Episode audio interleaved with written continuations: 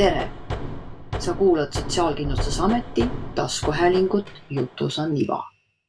täna on meil jälle hea meel võõrustada majas külalist, kellega meil on teemade osas päris mitmeid kokkupuuteid ja võiks isegi veel olla. seega tänase saate kuulaja võiks mõelda, mis ühisosasid oleks tal oma teenuse või teema raames näiteks Tööinspektsiooniga. tere, Meeli Miidla-Vanatalu. Tere, Sirle. Meeli on Tööinspektsiooni peadirektori asetäitja, kes veel ei tea ja meie, Meeli, sinuga sinatame, sest tegelikult me tunneme tööalaselt teineteist juba väga pikka aega. nii on. ja tänane saade on põimunud teemadest, mille eest me mõlemad seisame ja ma nimetaksin seda siis laias laastus ka tööalaseks ärakasutamise teemaks, aga väga palju tuleb juttu nõustamisest ja nende inimeste nõustamisest siis, kes teie poole pöörduvad. tööinspektsioonil on nõustamistelefon, millele vastavad juristid kõigis tööalastes küsimustes. kui palju, Meeli, pöörduvad teie inimeste poole täna inimesed pigem ennetavate küsimustega kui juba probleemiga? Jah, et kui me mõtleme meie infotelefoni peale kuus, neli, null, kuus, null, null, null, siis ikka peamised probleemid, millega sinna pöördutakse, on juba nii-öelda kätte jõudnud tulemus.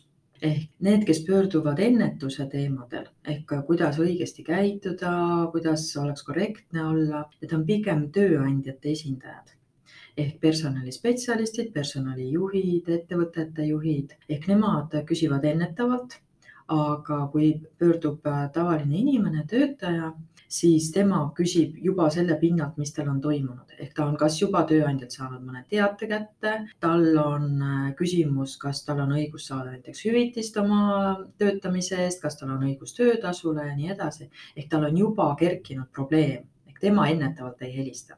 miks sa arvad, miks see nii on, et või, või olete te ise niimoodi suunanud, et pigem inimesed pöörduvad probleemiga või tegelikult oleks teil ka tööd vähem, kui te saaksite vastata pigem nendele küsimustele. ma kujutan ette, et see on ju niivõrd kasulik tasuta juristi käest saada kasvõi teada, et kas see leping, mis minuga tahetakse sõlmida, on nagu üldse noh, hea leping ja et me tegelikult ka oma Tööinspektsiooni kodulehel me suuname inimesi sellisel moel, et kõigepealt nad ikkagi otsiksid ise informatsiooni meie veebilehtedelt, nii Tööinspektsiooni kodulehelt kui tööelu portaalist. ja kui nad sealt ei leia nõu ja abi, et siis nad võtaksid ja helistaksid meile. ja miks see nii on läinud, kindlasti see kõnede hulk, et ka tänasel päeval me ei suuda vastata kõikidele kõnedele, vaatamata sellele, et meie infotelefon on avatud iga päev kella üheksast poole viieni, siis tegelikult on terve rida neid kõnesid, mis jäävadki vastamata. et me küll püüame alati ka tagasi helistada, kui on korduv helistaja, on näha, et ta on mitmeid kordi meile proovinud helistada päeva jooksul, ta ei saa kätte meid. aga peamine jah, küsimus on see, et, et me tahame, et inimene loeks, et ta vaataks täiendavaid lisamaterjale ja omaks või saaks selle kaudu nii-öelda rohkem informatsiooni ja võib-olla ka õige nurga alt. mis on sellise telefoninõustamise eripära, on see, et inimene küsib oma küsimuse ära meie nõustaja, jurist eelkõige vastab talle ära ja siis inimene toob välja sellise nüansi, mis tegelikult tööõiguslikult täiesti muudab seda vastust. Siis loomulikult inimene ei ole rahul, tal tekib segadus, et ma algul sain ühe vastuse, nüüd ta annab hoopis teistsuguse vastuse. ja selles vaates on kindlasti palju parem, kui inimene saab rahulikult materjalidega tutvuda, ise lugeda ja, ja kui tal selle pinnalt, mis ta juba ära luges, siis tekib küsimus, siis ta võtab ja helistab juristile, aga loomulikult olukorrad on erinevad ja me ikka alati, et kui on nii-öelda see väga kriitiline hetk, ütleme, et tööandja ütleb, et sa pead mulle tunni aja jooksul vastama, et siis ma julgustan inimesi ikkagi võtma telefoni ja helistama meie juristi nõustamise telefonile. Meeli, kui äh, uus teema on äh, teie asutuse jaoks tööalane ärakasutamine? See kindlasti ei ole uus teema, ehk kui me räägime üldse töötamisest Eestis, siis on meil, eks ole, selline ühes, ühes, ütleme, võtame ühe skaala, ühes skaala otsas on seaduspärane, korrektne, mõlema töösuhte osapoole huve arvas, arvestav, selline mõnus, kulgev töösuhe, üks pool teeb tööd, teine pool saab, eks ole, väärtused, saab tasu selle eest või maksab tasu siis selle eest. aga nüüd skaala teises otsas on teine äärmus ja see teine äärmus on see, et inimest sunnitakse tööle, see töö tegemine ei ole enam tema vaba valik. Teda kasutatakse ära, tema tasu, tema töö eest ei taheta kunagi tasu välja maksta. noh, ja mis veel hullem, kui tulevad sinna juurde juba sellised kriminaalsed aspektid ehk temalt võetakse vabadus tema liikumist hakatakse piirama, noh, teda põhimõtteliselt võib öelda, et ka orjastatakse. Ja mm, Eesti ju tegelikult äh, on siin Eesti Vabariigi algusaastatest äh, peale võidelnud ka sunniviisilise töö vastu. Ehk kui meie äh, Eesti Vabariigi põhiseaduse paragrahv kakskümmend üheksa räägib sellest, et, et inimesel on õigus vabalt valida töö ja tegevusala. Ehk meil on igalühel õigus valida, kus ma töötan, kelle ma töötan, mis ma teen, on ju, siis sellele vastukaaluks või selle õiguse tagamiseks on, on pandud ka keeld kedagi sunniviisiliselt tööle saata. Ja Eesti on liitunud ka rahvusvahelise töö organisatsiooni ILO konventsiooniga ehk ratifitseerinud siis sunniviisilise töö vastase konventsiooni ja see konventsioon räägib väga selgelt tööinspektori kohustustest ehk sellest, et tööinspektor peab alati märkama selliseid asjaolusid. tööinspektsioon järelevalveasutusena üldse töötingimuste järelevalve funktsiooni täitmisel peab alati oskama märgata ka seda, et ega ei ole tegemist sunniviisilise tööga ega need inimesed, keda me näeme täna tootmises või me näeme ehituses või me näeme veel kuskil mujal valdkonnas, ega nad ometi ei tee seda nii-öelda mitte enam oma vabast tahtest, vaid tegelikult sunniviisiliselt, sest tal ei ole mitte mingit muud valikut, teda hoitakse kinni. võib-olla ta liigubki ainult äh, nii-öelda kuskil tööandja äh, poolt pakutud äh, eluruumidest ainult sinna tööruumidesse tagasi ja, ja seejuures ei ole tal enam, eks ole, enda dokumente käes nii et sellist asja peab iga tööinspektor tegelikult äh, ka seadusest tulenevalt oskama märgata, nii et see on meie töö osa, eks see on see halb must pool meie tööst. kui palju sa arvad, et täna on seda tööalast ekspluateerimist, et ta on nagu rohkem nähtav ja kui kaugel me oleme sellest, et see on tegelikult väga varjatud ja peidetud üks hetk? Ma mõtlen siin võib-olla neid nähtavaid objekte, no need ehitusobjektid või ma ei tea, kas päris sellistest rahvusköökide köögi poole me üldse satume, eks ju, nägema, et mis seal toimub ja aga, aga just sellised nähtavad kohad. No tegelikult tööinspektor peaks sattuma absoluutselt igale poole ehk arvestades seda, et Tööinspektsioon teostab järelevalvet kõikides äh, valdkondades, siis, siis tööinspektor teoreetiliselt peaks nägema kõiki selliseid juhtumeid. Äh, loomulikult, mis ma olen näinud nagu aastate jooksul, ähm, et väga oskuslikult osatakse seda varjata ehk äh, sellest ollakse aru saadud, mis asi on sunniviisiline töö, tööalane ärakasutamine. Ja sellepärast ka väga teadlikult varjatakse seda. Ehk neid inimesi, ütleme, need ettevõtjad, kelle äriprotsess ongi siis suunatud kellegi teise ärakasutamisele, tema nii-öelda sisuliselt tema kuritarvitamisele, siis seal antakse ka väga selgeid äh, juhiseid, kuidas äh, töötegija ära peita, kuidas suh suhelda riigivõimu esindajaga, pannakse tsehhi kõikide uksi kinni. kui palju seda Eestis on? no ütleme, et Tööinspektsioon oma järelevalve käigus äh, ei ole näinud. aga probleem on ka selles, kui me käime üksinda, siis me ei pruugigi seda näha, kui me käime koos politseiga mm. -hmm. on vaade kindlasti teine, sest teatavasti iga sellise ütleme, ühisreid, Tööinspektsioon teeb ühisreide nii politsei kui Maksu- ja Tolliametiga.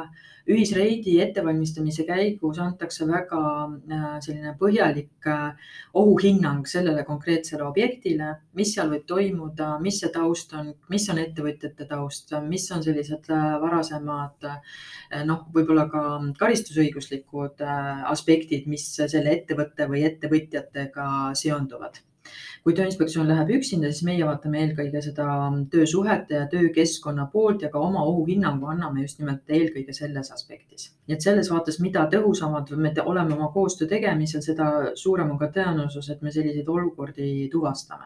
aga kahtlemata jätkuvalt, et ma tulen tagasi, et need olukorrad on väga varjatud. Neid inimesi, kes sellisel moel on tööle, noh, võib öelda ka sunnitud või pandud nad sellisesse olukorda, et nad ei tee enam tööd tegelikult päris omast vabast tahtest, siis neid ka juhendatakse, juhendatakse eest ära jooksma eh, juhendatakse edukalt peituma, juhendatakse valetama ametnikule, et ma noh, näiteks tüüpiline vale, et ma olen siin täiesti juhuslikult, ma tulin külla siia, seda valet kasutatakse just nende samade rahvusköökide puhul. et, et seesama inimene, kes võib-olla kümme minutit tagasi oli köögis, on nüüd ühtäkki saalis, sest ta on ju klient, on ju, et ta ei tea midagi, mis seal köögis toimub ja siis kahtlemata ei ole ka tema kohta mingeid tõendeid ja muidugi on ka need ülejäänud kaastöötajad ära hirmutatud sellega, et, et noh, sul ei ole mõtetki rääkida sellest. on ju, siis sa saad, sa saad, noh, üks juhtum on see, et sa või üks pool on see, et öeldakse inimesele, et sind lastakse lahti, kui sa sellest räägid ametnikuga. hullem pool on see, et sulle öeldakse, et sa saad lihtsalt peksa, kui sa, eks ole, räägid kellelegi sellest. nii et seal ei tule ka sellist ähm, meeskonna ütleme teiste meeskonnaliikmete, teiste töötajate toetust. et väga harva mm, noh, peamiselt, kus siis info hakkab tulema niimoodi, et keegi sellest, äh, nendest töötajatest on siis ütleme, et ebaseaduslikult tema töösuhe lõpetatud, niinimetatud vallandatud ja, ja siis ta tunneb, et nüüd on aeg tegutseda. Ja siis ta võtab ühendust ja räägib, et teate, et seal on tegelikult inimesed, äh, kes üldse ei valda ühtegi kohalikku keelt, nad elavadki sealsamas kohapeal ja nii edasi. Aga seda, et need inimesed, need tööd tegijad, kes tegelikult Eestis omavad tugevat sotsiaalset võrgustikku, nad tegelikult saavad vabalt liikuda, nad ei ole samas sunniolukorras nagu need ärakasutatavad inimesed. et nemad nüüd selle töösuhte kestel julgelt tuleks ja räägiks, mis seal valesti tegelikult on.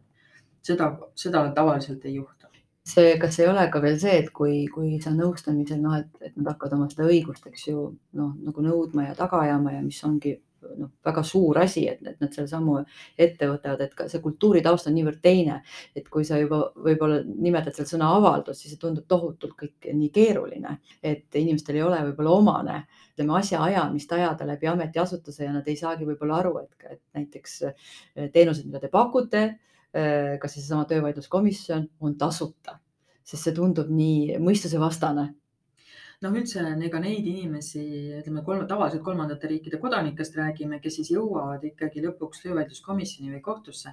Neid tuleb väga tunnustada ja kui me vaatame, et kes need inimesed on, siis tavaliselt on seal taustal ikkagi tekkinud juba kogukond, et meil on kohalik kogukond, kes siis seda inimest toetab. on ta sõpruskonna näol meie enda mm, Eesti kodanikest, on ta tema enda kaasmaalaste näol ükskõik, aga igal juhul on tal kogukond, seda ei tee üks inimene üksinda, seda teeb alati keegi, kes, kellelt saab või kes on kellegagi koos ehk ta saab kellelegi, kellegi käest tuge, toetust. nii et, ähm, et kindlasti see ongi nende inimeste, see ka, ka nende ärakasutajate ütleme, et nii-öelda pahade tööandjate poolt äh, see teadlik tegevus, et nad kasutavad ära inimeste vähest sotsiaalset võrgustikku siin kohapeal, loomulikult teadmatust, loomulikult neid inimesi ka hirmutatakse, et riigiasutustega ei ole mõtet suhelda, sellepärast et, et ma tunnen neid siin kõiki, mõelge, kui väike riik Eesti on, on ju, et mis te, sa ei saavuta mitte midagi, on ju, kellel siin õigus on, minul on õigus. eksist-, eksitatakse ka teadlikult äh, selliste, noh, et kui me muidu räägime mm, üldreeglina siin see, sellisest lepinguta töötamisest et üldse mingeid jälgi ei ole mingitest kokkulepetest, siis aeg-ajalt me ikka oleme ju näinud ka lepinguid, mis ongi täiesti ebaseaduslikud, aga inimene, kuna see on nii ilusti vormistatud, allkirjad on all, siis inimesele, kes tuleb kuskilt kolmandat, kolmandast riigist, see tundub selline tohutult ametlik ja õige asi. Ja see, et seal sees on noh, vabandust väljenduse eest, lauslollus, mhm. mis puhtalt piirab inimõigusi see jäetakse täiesti tähelepanu. mul oli eile just selline juhtum, kus üks naisterahvas äh, ütles, et äh, aga ta on alla kirjutanud lepingule ja seal on trahvid mm. -hmm. ja, ja ma olen alati selle koha peal öelnud inimesed jah, et, et vot kui, kui te mind ei usu, siis on alati veel olemas üks asutus, kes teile ütleb, et trahvid äh, lepingus ei, noh, see nagu ei käi kuidagi kokku omavahel. siit me jõuamegi tegelikult selle nõustaja rollini. et millele see nõustaja noh, peab suutma kõik tähelepanu pöörata, kui ta saab äh, selle kõne teie infoliinile jah, et meie, meie nõustajal on kindlasti keerulisem roll võrreldes äh, Tööinspektsiooni tööinspektoriga, kes saab, eks ole, füüsiliselt näha ja tajuda kogu seda olustikku. nõustaja roll on, noh, esiteks nõustaja peab olema teadlik, mis on need kriteeriumid, millele tähelepanu pöörata. Ja esimesed need näitajad on alati see, et noh, need inimesed, kes helistavad, tavaliselt nad helistavad vene keeles täna või inglise keeles eh, või vähemalt mingis osas siis räägivad seda keelt, aga nad kunagi ei pöördu eesti keeles ja kui nüüd inimene on äh, juba seal kõnes, ta on hästi ähmi täis, on ju, ta tavaliselt küsib väga selliseid lihtsaid, esmapilgul väga primitiivseid küsimusi, et ma tegin tööd. Äh, ma ei saanud töötasu, et äh, kas ma saan seda kuidagi nõudma hakata, siis nõustaja roll on kindlasti urgitseda seda teemat pikemalt uurida ikkagi välja, et, et kus see töö tegemine toimus, kas ta, inimene teab, kes see tööandja on, kas inimesel on üldse kedagi, kes talle abi võiks äh, pakkuda nii-öelda selle teemaga tegelemisel. küsida ka seda, et kas see inimene, on ta juba lahkumas siit riigist või kas tal on üldse võimalus lahkuda või kus ta tänasel päeval on või noh, mis ehk uurida kogu seda lugu täpsemalt, siis ei saa kindlasti olla üks selline kiire küsimus-vastus mis on noh, ütleme Eesti töötajate puhul tavaline, noh, mis on töötasu alammäär on ju, vastas ära, pani toru ära, kõik on korras. või siis näiteks noh, et ka juhtum, et, et nõustaja, inimene küsiski sellise küsimuse, nagu ma enne näitena tõin, et ma ei ole raha saanud, kuhu ma saan pöörduda. talle öeldi lihtsalt töövaidluskomisjon, kirjuta tööandjale e-kiri aga tegelikult keegi ei küsinud tausta, et kas tal on üldse võimekus mingit e-kirja, mis e-kiri, kuhu, mis asja. et äh, nii, et siin ei saa väga kiiresti vastata, et tuleb välja selgitada need kindlasti need põhilised indikaatorid, mille pinnalt peaks nõustajal tekkima kahtlus et siin võib tegu olla tööalase ärakasutamisega, sunniviisilise tööga või mis veel hullem, inimkaubandusjuhtumiga. ja et meil on vaja hakata kaasama, kiirkorras hakata kaasama teisi asutusi Meelis, sa praegu rääkisid nendest äh, peamiselt, eks ju, Eestis olevast sellest tööjõust, kes siia rändab, et kas, äh, kuidas Eesti tööjõuga on, kes äh, välja rändavad siit? ma saan aru, et see teema on ikkagi mõnevõrra läinud maha, aga kas see pilt on tõene? No me ei tea, aga minu tunnetus nagu ütleb, et kui me kuulame seda, mida räägivad meile teiste riikide kolleegid ehk Tööinspektsioon, Eesti Tööinspektsioon ju suhtleb aktiivselt ka kõigi äh, teiste Euroopa Liidu liikmesriikide tööinspektsioonidega ja Euroopa Majandusühenduse tööinspektsioonidega. ja kui me kuuleme nende käest, palju meie inimesed nende poole pöörduvad, siis tundub, et see teema on ikkagi jätkuvalt aktuaalne. täpselt samamoodi nagu meil kasutatakse ära Äh, inimesi, kelle teadlikkus siin töötamise kohta on madal, samamoodi jätkuvalt kasutatakse ära meie inimesi, kes siis äh, lähevad välismaale tööle, teadmata, mis neid tegelikult seal ees ootab ja, ja kas see on üldse usaldusväärne ettevõte. ja muidugi me saame ka päris tihti seda tagasisidet, et see tööandja, kes seal seda töötamist võimaldab on seesama meie Eesti ettevõte või siis selline ettevõte, mis tegutseb, kus on ühed ja samad juhatuse liikmed, aga mis tegutseb näiteks Eestis, äh, Rootsis, Norras ja nii edasi. ja siis, kui küsida inimese käest, et aga millise ettevõttega te tegelikult töölepingu sõlmisite, siis ta ei suuda vastata, ta teab seda, et tema tööandja tegutseb kõikides riikides, aga millise juriidilise isikuga on temal sõlmitud tööleping, ta ei tea. ta teab seda, et tal on suuline kokkulepe, on ju Eestis alustas, kui küsida, kas sa Eestis kunagi tööd tegid, ei teinud. Ma sõitsin otse sinna Norra tööd tegema et see on, on nagu see pool, mis annab meile ka indikatsiooni, et meie enda inimesed on tegelikult täpselt sama haavatavas seisus kui need kolmandate riikide kodanikud siin Eestis. ainult, et võib-olla kolmandate riikide kodanike puhul on see hirm veel see, et mida nad ju kardavad, on esiteks deporteerimine, see on ju mm -hmm. esimene äh, punane nii-öelda rätik, äh, mida nendele tööandjad tihti näitavad või ütlevad ja kas see on siis tõsi või mitte, see on nagu teine asi aga need inimesed, kes helistavad, eks äh, teile, nad ju ilmselt ka tegelikult väga kardavad, et see info tuleb välja, mida nad räägivad või, või, või nad ei karda seda või, või mis need, mis need nende hirmud veel on lisaks sellele, et vot see töötasu on nüüd kätte saamata tegelikult ja see on väga õige tähelepanek, et nii Eesti inimesed kui välismaalt äh, Eestisse tulnud inimesed, kes satuvad meie infoliinile helistama, neil on see hirm, et ega me ei anna seda informatsiooni, et esiteks, kas me näeme nende numbrit, kas me anname selle info kellelegi edasi, kas me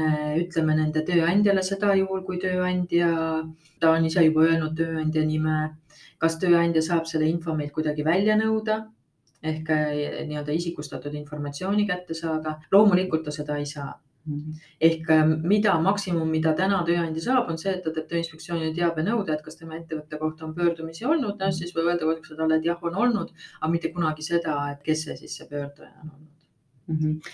kas, äh, okei okay,, nüüd tuli see kõne sellele nõustajale, ta, ta saab aru, et seal on nagu rida neid mm -hmm. punaseid, eks ju, lippe mm. -hmm. mis saab edasi?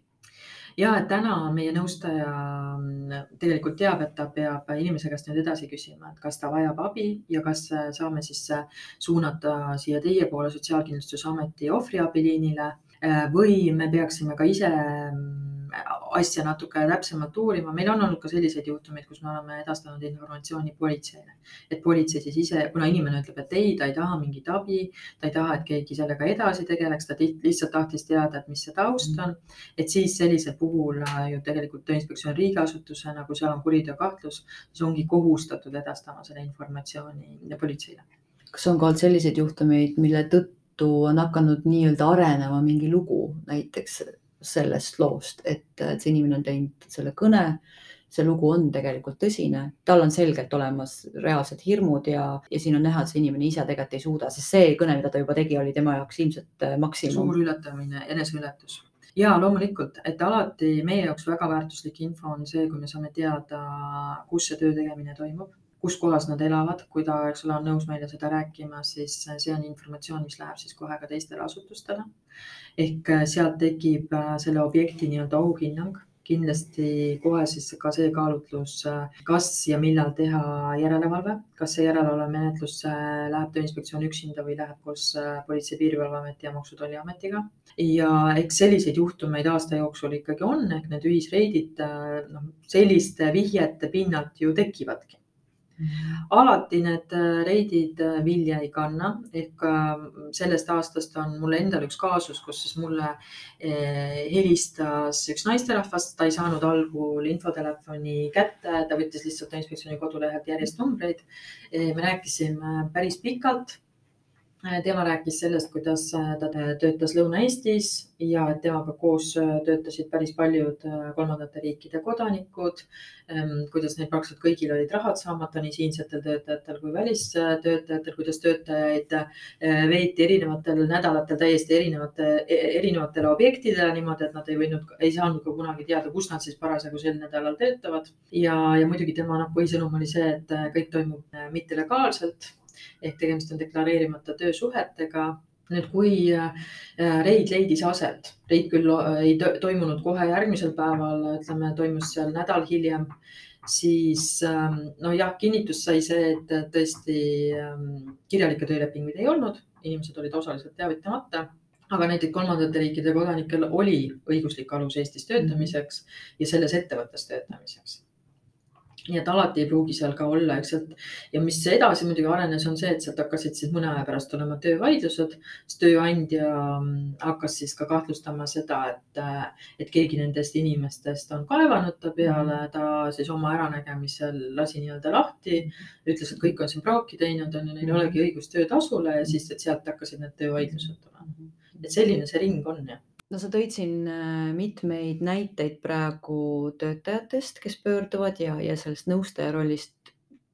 mis sa arvad, Meeli, mis see tänane meie spetsialistide ja ametnike, kes puutuvad kokku tööalase eksporteerimise või ärakasutamise juhtumitega, tegelikult äh, näevad neid juhtumeid sellistena ja julgevad nii-öelda tuvastada, et tegemist on ärakasutamisega, tööalase ärakasutamisega või isegi inimkaubandusega. ma siin isegi mõtlen sellist äh, menetluse al algatamist. Äh, ma tegelikult arvan, et äh, ega ei julge alati ja ikka on see inimlik kahtlus, et äkki ma reageerin üle. kuigi mm, ametniku vaates peaks alati esimene asi olema mõelda inimesele ehk mõelda sellele, kas see inimene vajab abi ja kuidas ma seda inimest aidata saan ja mitte mõelda sealt edasi, et äkki ma esitan valeinformatsiooni. see, kui sa esitad nagu valeinformatsiooni, no sa ei esita seda teadlikult, sinul nende asjaolude pinnalt on tekkinud mingi arusaam ja sinu asi ongi ametnikuna alati edastada see asjakohastele, asjakohasele ametkonnale, kelleks siis Eestis on äh, politsei. Ja politsei kontrollib juba edasi nüüd, äh, mis sealt hakkab välja tulema, ei hakka välja tulema, see oleneb väga palju sellest, palju on menetluslikult võimalik siis täiendavaid tõendeid koguda. kui palju need inimesed ise on valmis rääkima, kui palju tunnistajad on valmis rääkima. et äh, eks siin on takistusi, aga see ei ole mitte ainult Eestis nii, et äh, oma teiste riikide kolleegidega rääkides, see on kõigis riikides nii, et kuidagi see on hästi inimlik, et kuidas ma lähen, süütunne tekib, et kuidas ma lähen kedagi nii rängas rikkumises süüdistama aga no näiteks äh, toome siin äh, selliseid äh, näiteid ka kuulajale, et, et noh, me räägime sellest ka, et, et me võiksime ise märgata. ja teinekord me anname endale õigustusi, et, et noh, kas see on ikka seesama, millest me täna sinuga just räägime. no võtame, et on ehitusobjekt, nii inimesed, kes tulevad Eestisse tööle, väga tihti tulevad ka ise väga-väga halbadest majanduslikest tingimustest. ja tegelikult see maja, mida nad ehitavad, noh, ta on päris äge maja ja, ja näeb hea välja ja üha paremaks muutub kogu ehitamise vältel ja need inimesed elavad seal objektil ja see objekt võib olla isegi parem kui nende enda kodu. no ja võib-olla mõni leiab, et tegelikult need ei ole ju väga halvad tingimused, et kas nad siis vajaksid siin luksushotelli või kuidas nüüd neid äh, selliseid lauseid edaspidi noh, väldiksime me kõik äh, nii spetsialistidena, ametnikena äh, kui ka see, kes võib-olla pealt selliseid asju näeb no alati tuleb mõelda sellele, et mis, mis see taust on ikkagi, mis see mõju inimesele on. et tavaliselt, kui elatakse objektil, kas siis äh, päris juba seal majas sees või, või sageli siiski me näeme, et soojakutes elatakse. ja need tingimused võib-olla tunduvadki väga okei okay,, aga seejuures on inimesel töö, töötunde ühes kuus kolmsada, nelisada, tundub nagu mõeldamatu, kui me mõtleme, mis on tööaja norm, ütleme seal ühes kuus kuskil noh, sada kuuskümmend kaheksa, mõnes kuus võib-olla on paar tundi rohkem. Mis see siis sellega võrreldes tähendab, see tähendab, see inimene on kogu aeg tööl. Et see, et ta seal elab, seal objektil kohapeal, tähendab seda, et ta teeb kogu aeg tööd. aga siia tuuakse väga tihti näide, et aga ta tahab ise, ta ise nõuab kogu aeg tööd, et ma ei tulnud siia puhkama, ma tahangi töötada laupäev, ma tahan töötada pühapäeval, ma tahan töötada võimalikult pikalt, sellepärast et ma tulin siia raha teenima ja sellele küsimusele on väga lihtne vastata, et äh, ega need piirangud on ju selleks, et inimene jääks terveks ja tööandjale on pandud Eesti seaduste järgi väga selge kohustus järgida neid tööaja piirangutest kinnipidamisi just nimelt sellepärast, et töö tegija tervis säiliks. et meil pärast ei ole nii-öelda ühiskonnana vaja üleval pidada haigeid inimesi, et ma olen küll kuulnud siin hästi küünilisi väiteid selle peale, et kui ta tuli kolmandast riigist, see ei ole meie riigi probleem. aga mõelge alati ka selle peale, et tegelikult selle tervise või noh, halvemal juhul elu kaotanud äh, inimeste lähedastel on ju selle Eesti ettevõtte vastu ka nõudeõigused Mm -hmm. see pool nagu unustatakse ära või kogu aeg loodetakse sellele, et ega nad nagunii siia Eestisse nõudma ei tule. me kunagi ei tea, millal on esimene kord ja millal see nõue saab olema väga-väga suur ja siis ei ole nõue mitte lihtsalt Eesti tööandja vastu, vaid tegelikult me räägime Eesti riigi mainest ja maine, väga olulisest mainekahjust. see väga hea, seda maine teema siia välja tõid, et me ei peaks ju jätma ka sellist muljet, et noh, kõik ettevõtted on sellised, et, et see pilt ilmselt ju ei ole selline, aga millegi tõttu äh, see täna paistab meie ühiskonnas äh, niivõrd palju välja. miks see nii on, Meeli, mis sa arvad? Noh, ma ka julgen öelda, et vaadates Tööinspektsiooni järelevalve tulemusi, siis väga suur hulk tööandjaid on väga korralikud, tohutult hoolivad äh, ja mõtlevad absoluutselt igakülgselt inimese heaolule. aga lihtsalt need üksikjuhtumid, ma, mis välja on tulnud ja mis on ka meediast läbi käinud, nad ju riivavad meid kõiki. et see ei ole nagu mitte ainult selle ühe või kahe inimese lugu, vaid see puudutab meid eranditult kõiki, sest me ei saa ju tegelikult inimestena me ei saa aru, et kuidas see täna Eesti riigis üldse võimalik on.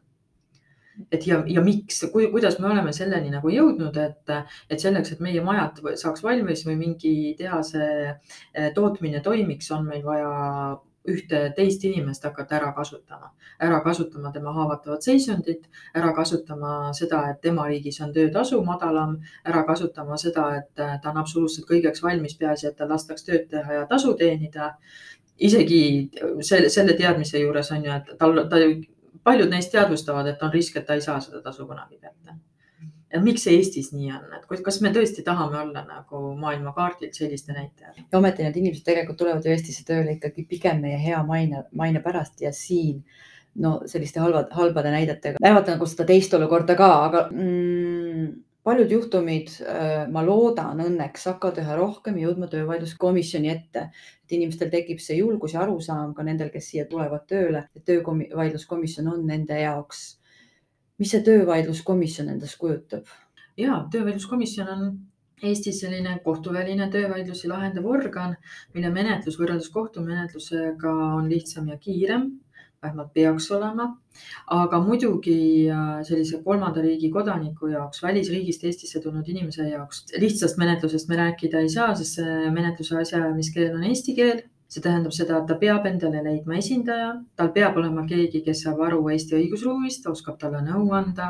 Ja tal peab olema ka keegi, kes selgitaks talle seda, et see, et ta peab riigist lahkuma, kas vabatahtlikult või sunniviisiliselt, ei ole takistus tema õiguste tagamisel no pluss veel see pool, et väga sageli need inimesed arvavad, et kui nad no, on siis nii-öelda vahele jäänud politseile ja nad on sunnitud riigist lahkuma, et nagu neil ei oleks üldse õigust ähm, saada oma töötasu. tegelikult neil see õigus on, tehtud töö eest on alati õigus saada töötasu, isegi kui see töö tegemine on olnud mittelegaalne.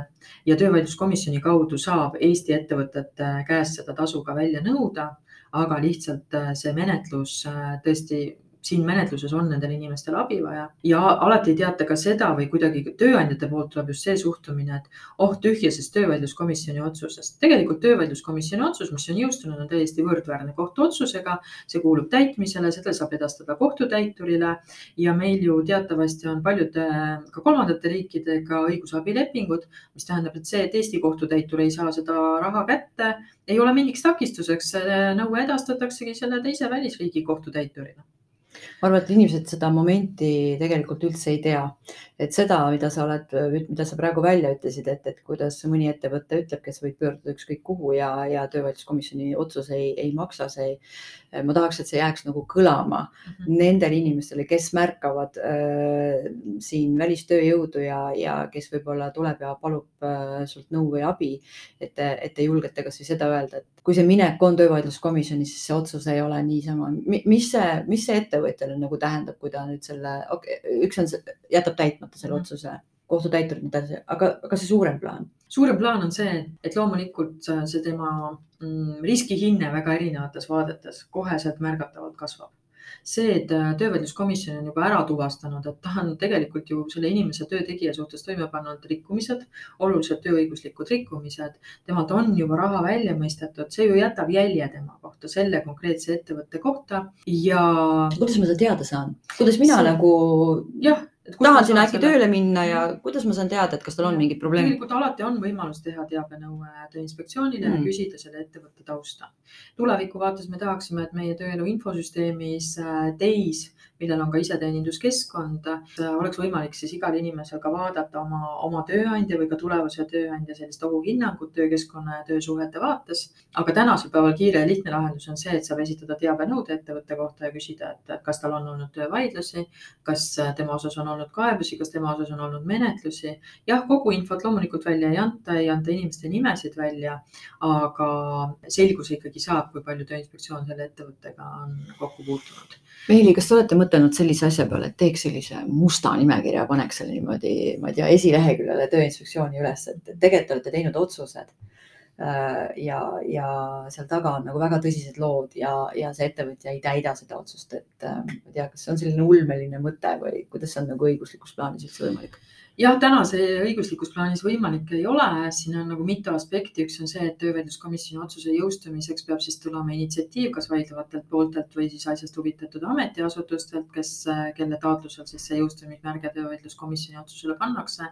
kui jõustumismärke taotlust ei panda, ei, ei taotlust ei tule, siis, siis tegelikult täna ju seda otsust ka ei, ei avaldata nii-öelda, ta jääb kuhugi seisma nii-öelda ootele, ootele, millal siis äh, kuigi ta on jõustunud, ütleme õiguslikult vaata, vaadates on ta jõustunud.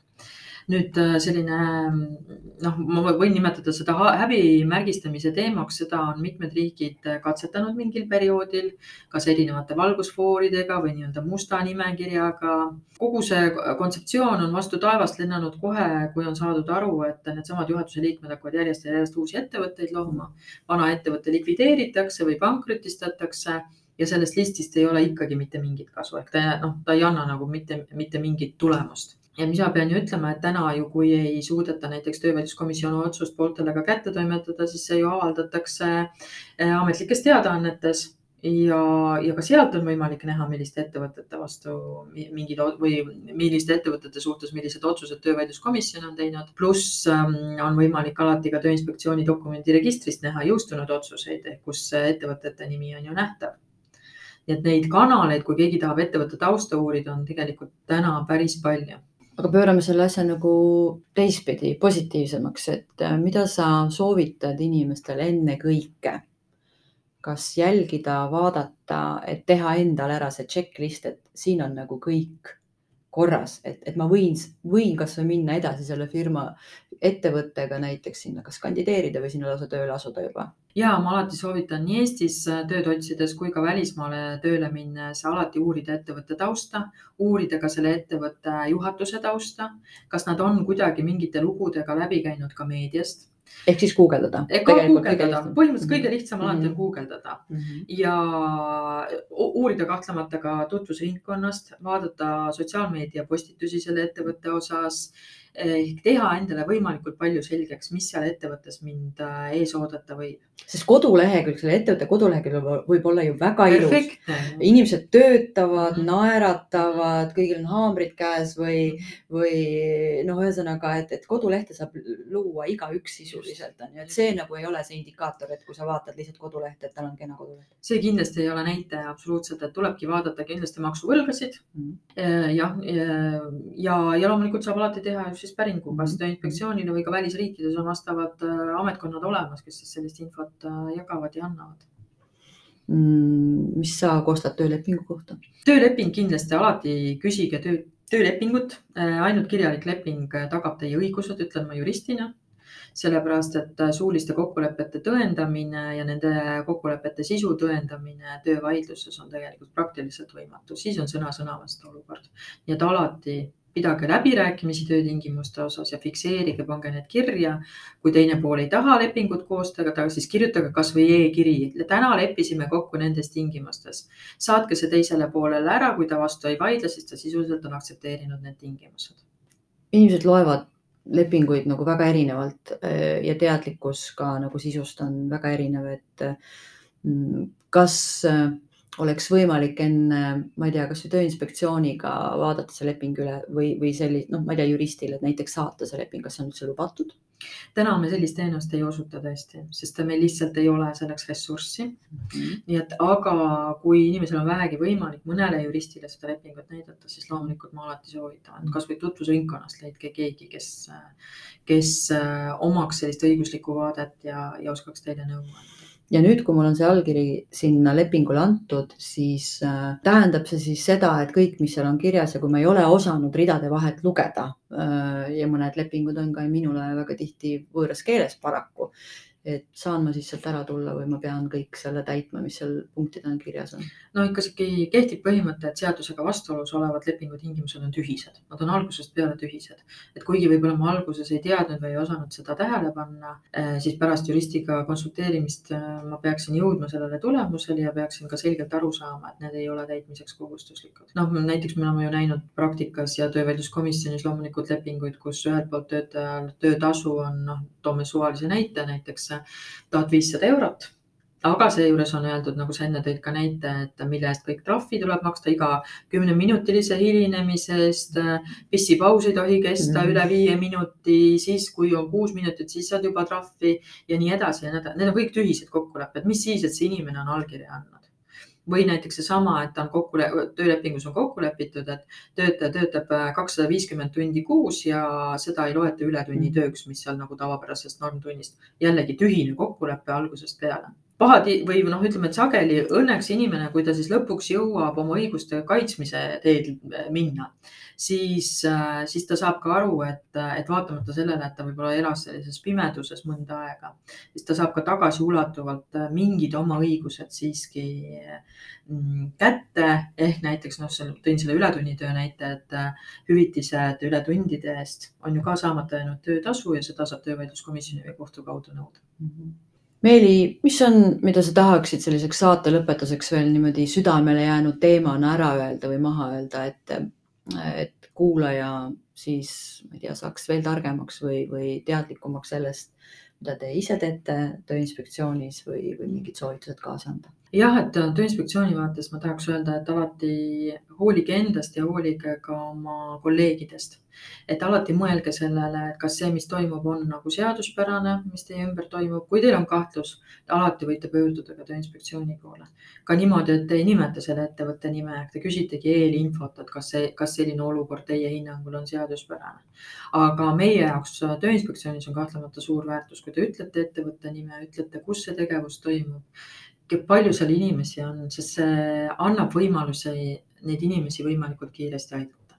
ja aitäh sulle, Meeli, aga äh, ma ei lase sind veel ära siit äh, enne meie üht, sellist traditsioonilist küsimust, et, et äh, sul on kindlasti väga palju tööd. tööinspektsioon on suur, suur asutus ja, ja teemasid on palju ja, ja nad ei ole sugugi kõik lihtsad ja oma vaba aega, ma loodan, et sul seda on.